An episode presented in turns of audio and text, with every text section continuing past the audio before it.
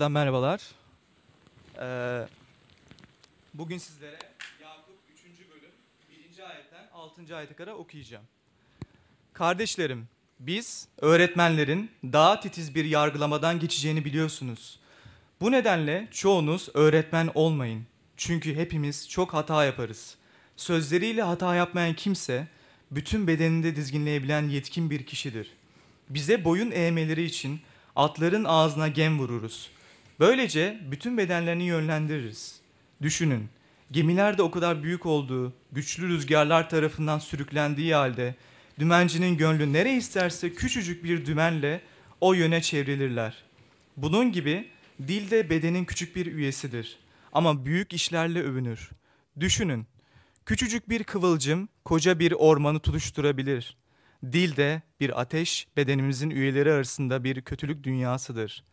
Bütün varlığımızı kirletir. Cehennemden alevlenmiş olarak yaşamımızın gidişini alevlendirir. Bu Tanrı sözdür.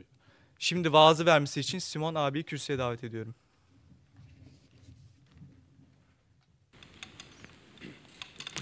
Hepinize hoş geldiniz.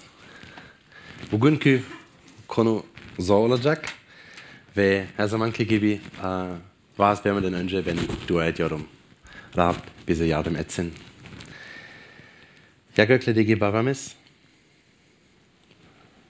burada yine beraber olabildiğimiz için, senin sözünden dinleyebildiğimiz için sana şükrediyorum Rab. Lütfen hepimize konuş, yüreklerimizi aç ve kendini bize daha çok göster. Aynı zamanda bugün burada olmak isteyen ama uh, gelmek, uh, gelemel, gelemediği arkadaşlarım, kardeşlerim için dua ediyorum. Onlara da bereketli, onların yanında ol. Amin. Bir düşünün, bir çift İstanbul'da yaşıyor.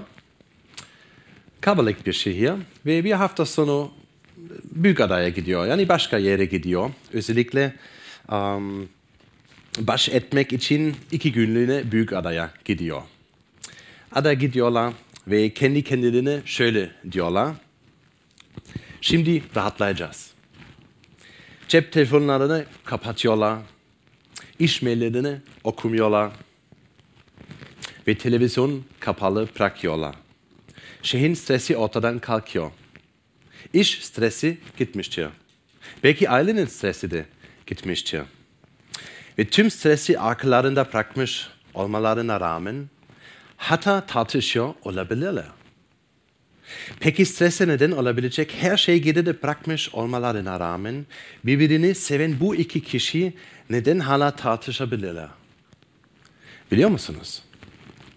Çünkü adaya giderken yanlarında kontrol edilmesi zor bir şeyde getirdiler. Dillerini.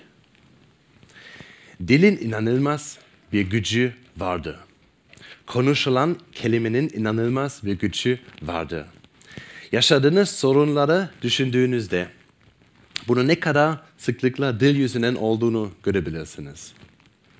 Toplumu sorunları, ayrılıkları, tartışmaları düşündüğünüzde kelimelerle kaç kez incindiniz ve kelimelerle kaç kez insanları incittiniz? Bu tür sorunlar nasıl çözülebilir? Dilimizi nasıl kullandığımızı göstermek için kendimizi nasıl inceleyebiliriz? Dil önemlidir. Dil aracılığıyla çok şey öğrenirsiniz. Eğer okulda öğretmen konuşmasaydı öğrenciler, öğrenciler hiç şey öğren, öğrenemezdi. Ama aynı zamanda dedikodu da vardı ve dil yoluyla ilişkileri yok edebilirsiniz. İnsanlar arasındaki sorunların çözümü ne olabilir? Jakob'un kitabı, kitabına bakıyoruz. Neden? Çünkü Jakob'un kitabı çok pratik bir kitaptır. Çok pratiktir. Çünkü iman ve eylemlerini birleştirir. Geçen hafta bilgiden elemsiz imanın gerçek iman olmadığını duyduk. Başka bir deyişle doğru iman sizi iyi şeyler yapmaya yönlendirir. Yakup mektubunun dayanmış olan Hristiyanlara yazar. Yakup imanı eylemle ilişkilendirdi. Yakup birinci bölümde imanınızın ayartmalarla sınanacağını yazar. İkinci bölümde in, iman, imanınızın eylemlerinizde görülebileceğini gösterir. Üçüncü bölüm ise imanınızla diliniz arasında bir bağlantı kurar. Yakup, Yakup'un mektubunun konusu bize sadece iman etmekle gerçek bir imana sahip olmak arasındaki farkı göstermektedir. Gerçek iman yaşamınızı pratikte değiştirir. Gerçek iman konuşma şeklinizi değiştirir. Bugün ve gelecek hafta iman ve konuşma konusuna bakacağız. Bugünün konusu dil ya da konuşma ile ilgilidir. Bölüm 3'e baktığımızda Yakup'un bize konuşmamızın ciddiyetini, sözlerin önemini ve ciddiyetini, ciddiyetini gösterdiğini görürüz. Hem bugün hem haftaya aynı konuyu konuya ele alacağız. Sözler sadece ciddi olmakla kalmaz. Aynı zamanda yaşamlarımızın ana anahtarıdır. İfade şudur. Sözlerinize hakim olursanız tüm yaşamınıza hakim olabilirsiniz. Konuşmanıza hakim olabilirsiniz, olursanız hayatınızda hakim olabilirsiniz. Gelecek haftanın vaazına bir temel oluşturmak için bugün kutsal kitap metninden ayrı ayrı yönler ele alacağım. Gelecek hafta daha çok pratik e, talimatlarla ilgili olacak. Konuşmamızı nasıl iyileştireceğimizi, sözlerimizi nasıl kontrol edeceğimizle ile ilgili olacak. Birinci ayette Tanrı'nın bize, bizi sözlerimizi yargılayacağını görüyor. Sözlerin anlamı vardı. Sizinle birlikte gözden geçirmek istediğim üç düşüncem var. Yargı, sorumluluğa bağlı, öğretmenlerin yargısı. Birinciyle başlayalım. Şimdi birinci ayete tekrar bakalım. Kardeşlerim, biz öğretmenlerin daha titiz bir yargılamadan geçeceğini biliyorsunuz. Bu nedenle çoğunuz öğretmen olmayın. Öğretmenlerin özellikle yargılanacağını söylüyor. Ama bu aslında her Hristiyanın yargılanacağı anlamına gelir. Burada öğrendiğimiz ilk şey Hristiyanların yargılanacağıdır. Ve bu bir tür soruya ak, e, akla getirir. Değil mi? Belki bugün ilk defa buraya geliyorsunuz. Belki birkaç defa geldiniz ve birçok vaaz verirken bizi dinlediniz. Belki şunları söylediğimizi de duymuşsunuzdur. Kutsal kitap kendi işlerimizle kendimizi kurtaracağımızı söylüyor. Kurtarıcımız ise Mesih olan iman, imanımız sayesinde kurtuluruz. Kurtuluruz. Böylece ona olan imanımız sayesinde yargılanmayacağız. Ve evet bu doğrudur. Ama o zaman neden burada yargılanacağımız söylüyor. Bunun size açıklamaya çalışayım. Bunun yanıtı yargılanmak ile ne kastettiğinize bağlı olduğudur. Bir yandan örneğin Romalılar 8.1 şöyle der. Böylece Mesih İsa'ya ait olanlara artık hiçbir mahkumiyet yoktur. Mahkumiyet yoktur. Bakın bu bir tür yargılama. Burada asıl anlatılmak istenen Mesih'i kurtarıcılar, kurtarıcıları olarak kabul etmiş olan Hristiyanların günahlarından dolayı asla mahkum edilmeyecektir. Pek çok günah işledik. Ve eğer günahlarımızdan dolayı yargılanmış olsaydık, Tanrı'nın önünde duramayız. Paulus Romalılarda İsa'nın bizim günahlarımızdan dolayı mahkum edildiğini söyler. İsa yargılanmış olan yargıçtır. Ve bu nedenle yargılama hakkında sahip olan tek kişidir. İsa bizi mahkumiyetimize kendi üzerine alan kişidir. Ve bizi mahkumiyetimizi kendi üzerine aldığı için biz mahkum edilmeyeceğiz. Paulus Hristiyanların günahlarından dolayı asla mahkum edilmeyeceklerini söylüyor. Onlar asla mahkum edilmeyecektir. Ama imanınız, imanınız gerek gerçekse işlerinizde ve konuşmalarınızda kendini gösterir. Paulus 1. Korintliler 3, 12, 15'te görebileceğiniz gibi Hristiyanlardan söz eder, şöyle der. Bu temel üzerine kimi altın, gümüş ya da değerli taşlarla, kimi de tahta, ot ya da kamışla inşa edecek. Herkesin yaptığı iş belli olacak. Yargı günü ortaya çıkacak. Herkesin işi ateşle açığa vurulacak. Ateş her işin niteliğini sınayacak. Bir kimsenin inşa ettikleri ateşe dayanırsa o kimse ödülünü alacak. Yaptıkları yanarsa zarar edecek. Kendisi kurtulacak ama ateşten geçmiş gibi olacaktı. Ne hakkında konuşuyor? Her şeyden önce, önce Hristiyanların yargılanacağını, sözlerini ve eylemlerinin ortaya çıkacağını söylüyor. Bunu anlıyor musunuz? Tanrı'nın yargı kürsüsü önünde durduğunuzda İsa Mesih olan imanımız sayesinde kurtulacaksınız. Tanrı sizi yargılayamayacaktı. Ama yaptıklarınız ve sözleriniz ortaya çıkacaktı.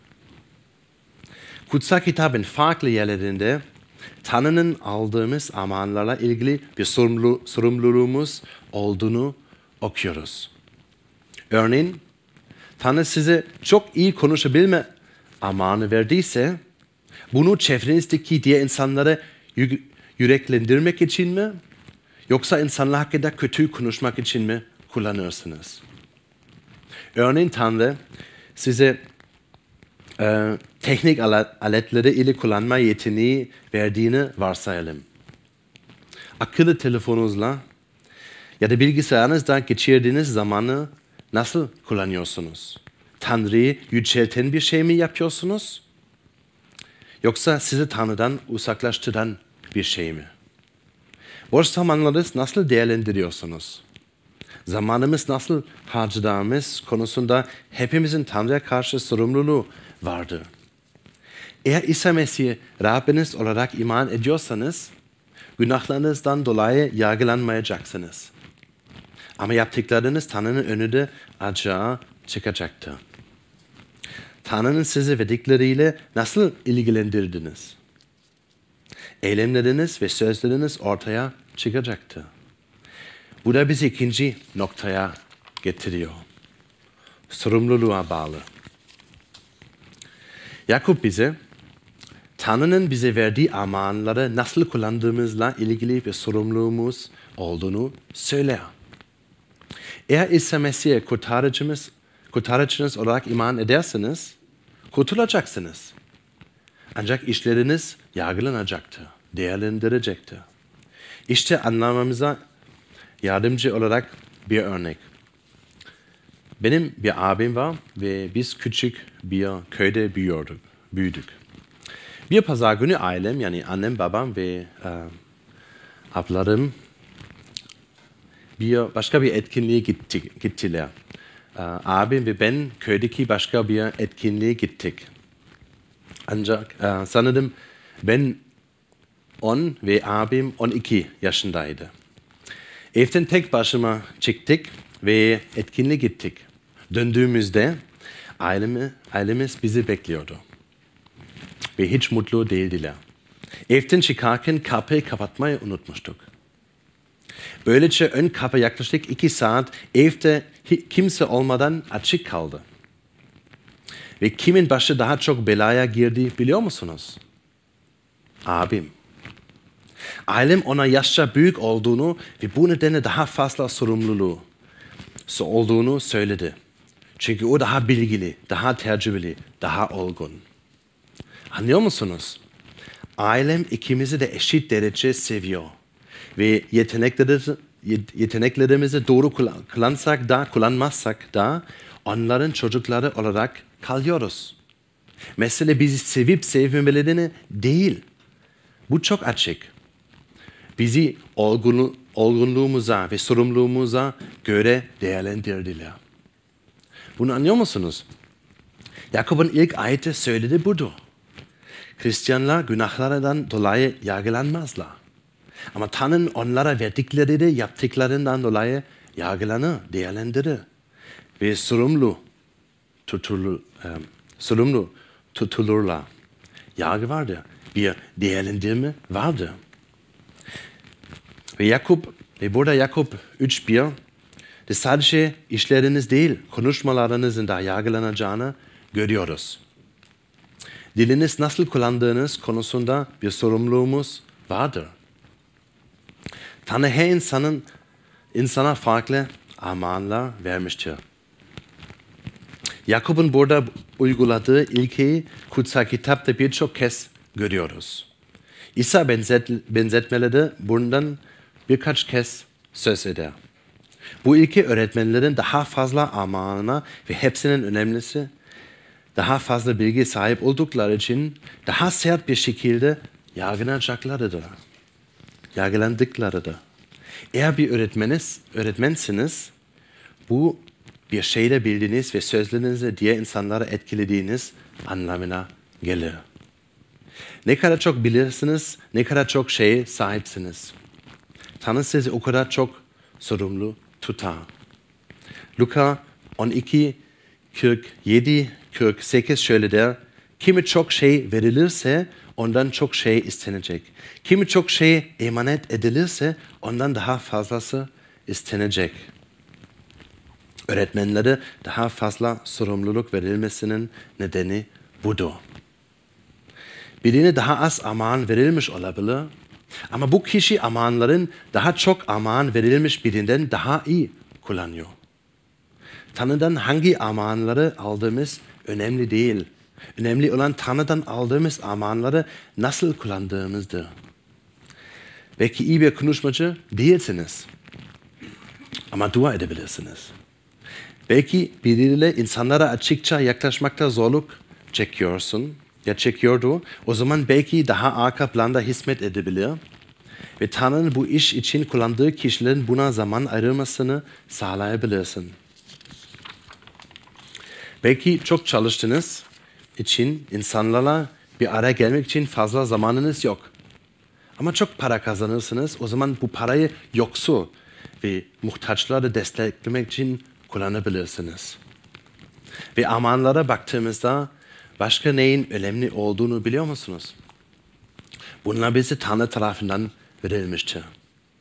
Bu bizi alçak gönüllü yapar. Çünkü bu sizden gelen bir şey değildir. Bu Tanrı'nın sizi bir araç olarak kullanarak yaptığı bir iştir. Hristiyan inancında ne kadar kutsanmış olursanız o kadar alçak gönüllü olmanız gerekiyor. Bu yüzden diğer insanlara bakıp onları yargılayamazsınız. Çünkü amanlarımızı Tanrı'dan alırız. Öğretmenler daha sert yargılanır. Kime çok şey verilmişse ondan çok şey istenecek. Üçüncü noktaya gelelim. Öğretmenlere karşı nasıl davranmamız gerektiğini bakalım. Biraz susadım.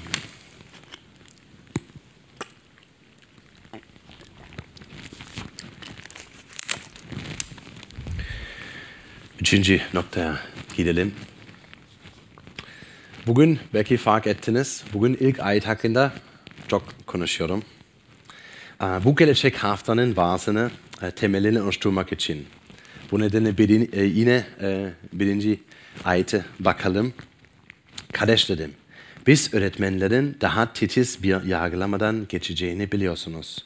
Bu nedenle çoğunuz öğretmen olmayın.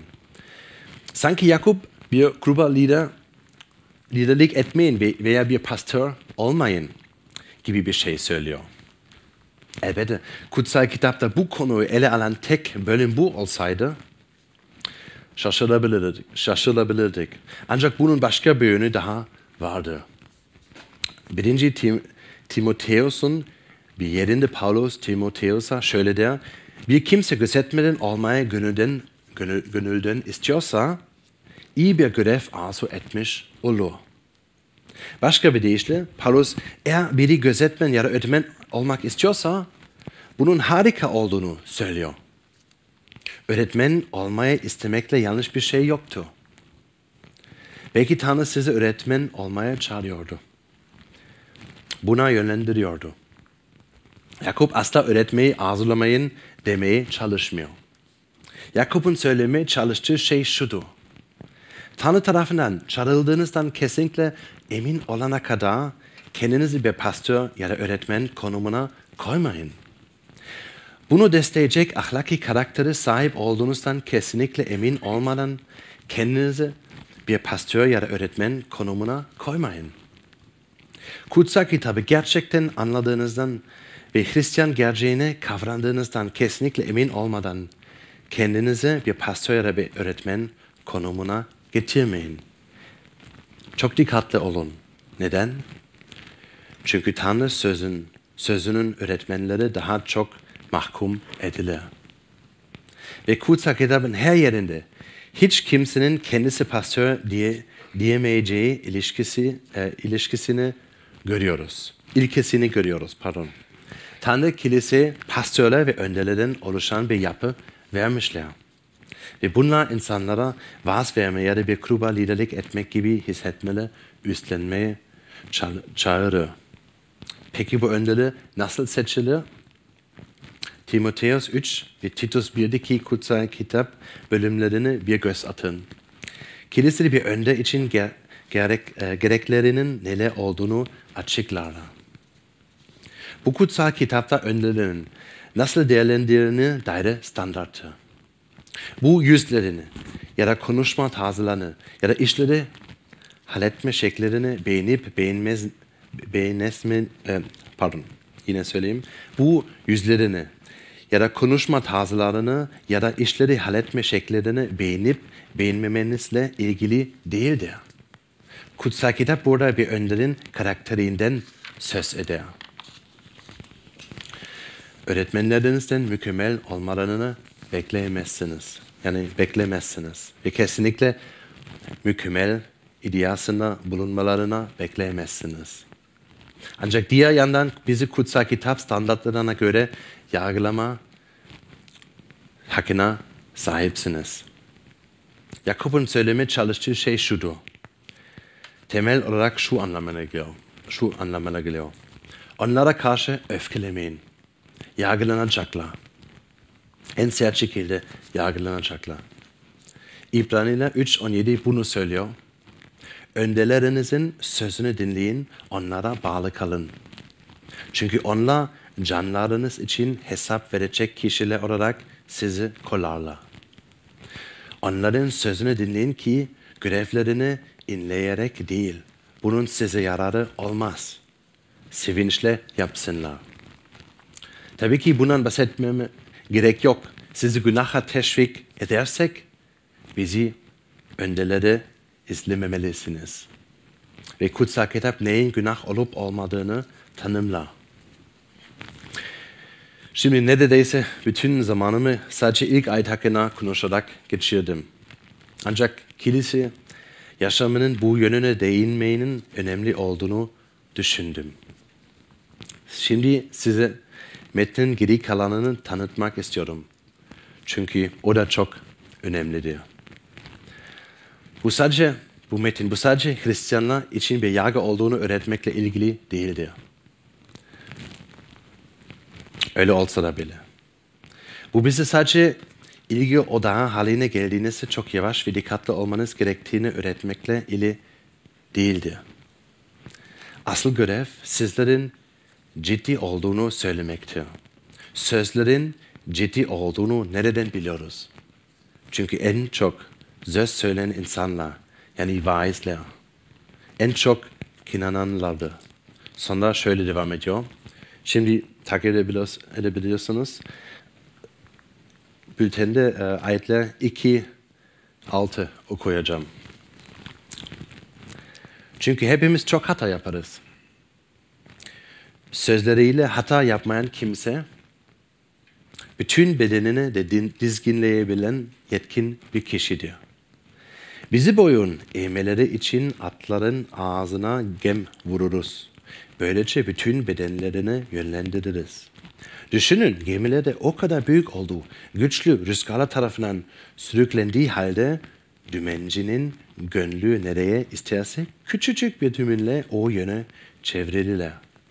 Bunun gibi dil de bedenin küçük bir üyesidir ama büyük işlerle övünür. Düşünün küçük bir kıvılcım koca bir ormanı tutuşturabilir. Dilde bir ateş. Bedenimizin üyeleri aslında bir kötülük dünyasıdır. Bütün varlığımızı kirletir. Cehennemden alevlenmiş olarak yaşamamızın gidişini alevlendirir.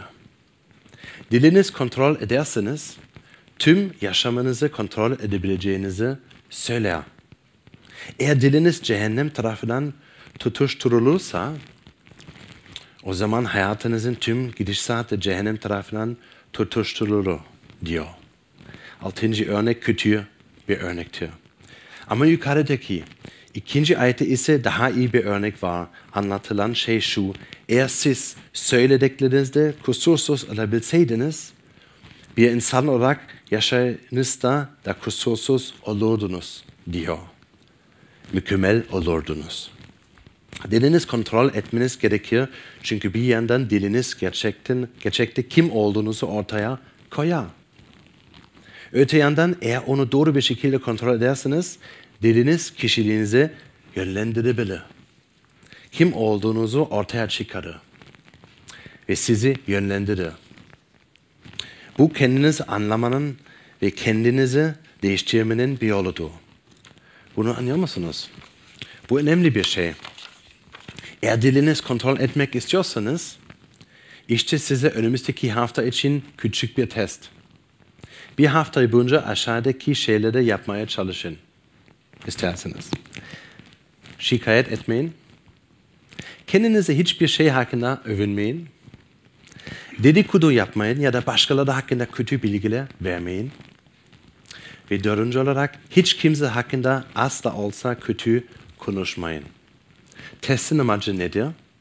Testin amacı konuşmanızla ne yaptığınızı görene kadar kalbinize gerçekten neler olup bittiğini fark etmenizdir. Bu konuya gelecek hafta tekrar döneceğiz. Dil sizin kim olduğunuzu ortaya koyar. Dilinize dikkat etmez ve onunla ilişki kurmazsanız asla öz denet, denetimizin, denetiminiz olmaz. Çünkü dilinizle ilişki kurduğunuzda asıl kim olduğunuzu fark edersiniz. Öte yandan sözleriniz kalbinize yönlendirir. Sözcükleriniz kalpten gelir. Ama sonra sözcükler kalbe gider. Sözcükler bir yandan kalbi ifade eder ama bir yandan da kalbi yönlendirir ve etkiler, öfkeli. Acı bir düşünce sahipsiniz ve bunu bir kelimeyle dışa vurursanız ona kalbiniz üzerine çok fazla güç vermiş olursunuz. Düşünce yürekten gelir. Ama onu bir sözcükle dışa vurduğunuzda geri döner ve daha da güçlenir. Luka 6 şöyle der. Ama beni dinleyen sizlere şunu söylüyorum. Burada İsa konuşuyor. Düşmanlarınızı sevin. Sizden nefret edenlere iyilik yapın. Sizi lanet edenler için iyilik dileyin. Size hareket edenler için dua edin. Bunu yapabilmeniz için içten dışa değişmeniz gerekir. Yüreğinizi değiştirmesi gerekir. Ve bunu yalnızca İsa Mesih yapabilir. Tanrı'nın oğlu İsa sizin günahlarınız için çarmıhta öldü. Sadece o sizi içten dışa yenebilir ve iyileştirebilir. İsa'nın huzurunda olmak. Onun güzelliğini önemsemektir. Dilinizi iliştirecek olan tapınma budur. Eğer ona dilinizle tapınmaya istekliyseniz, bu yüreğinizi değiştirecektir. Kalbinizi iyileştirecektir. İçindeki kirliği iyileştirecektir. Yani diliniz kontrol ederseniz kendinizi anlayacak, kendinize yeniden yön vereceksiniz. Bunu bir hafta boyunca deneyin isterseniz. Şikayet etmeyin. Hiçbir şey hakkında kendinize övünmeyin. Dedikodu yapmayın. Kimseyi kötülemeyin. Azıcık bile olsa bu çok zor olacak. Bununla yüzleştiğinizde kendinizle de yüzleşeceksiniz. Bu sizi sözlerinizi ve yüreğinizi iyileştirecek, iyileştirebilecek olan kişi götürecektir. İsa Mesih. Ben dua ediyorum.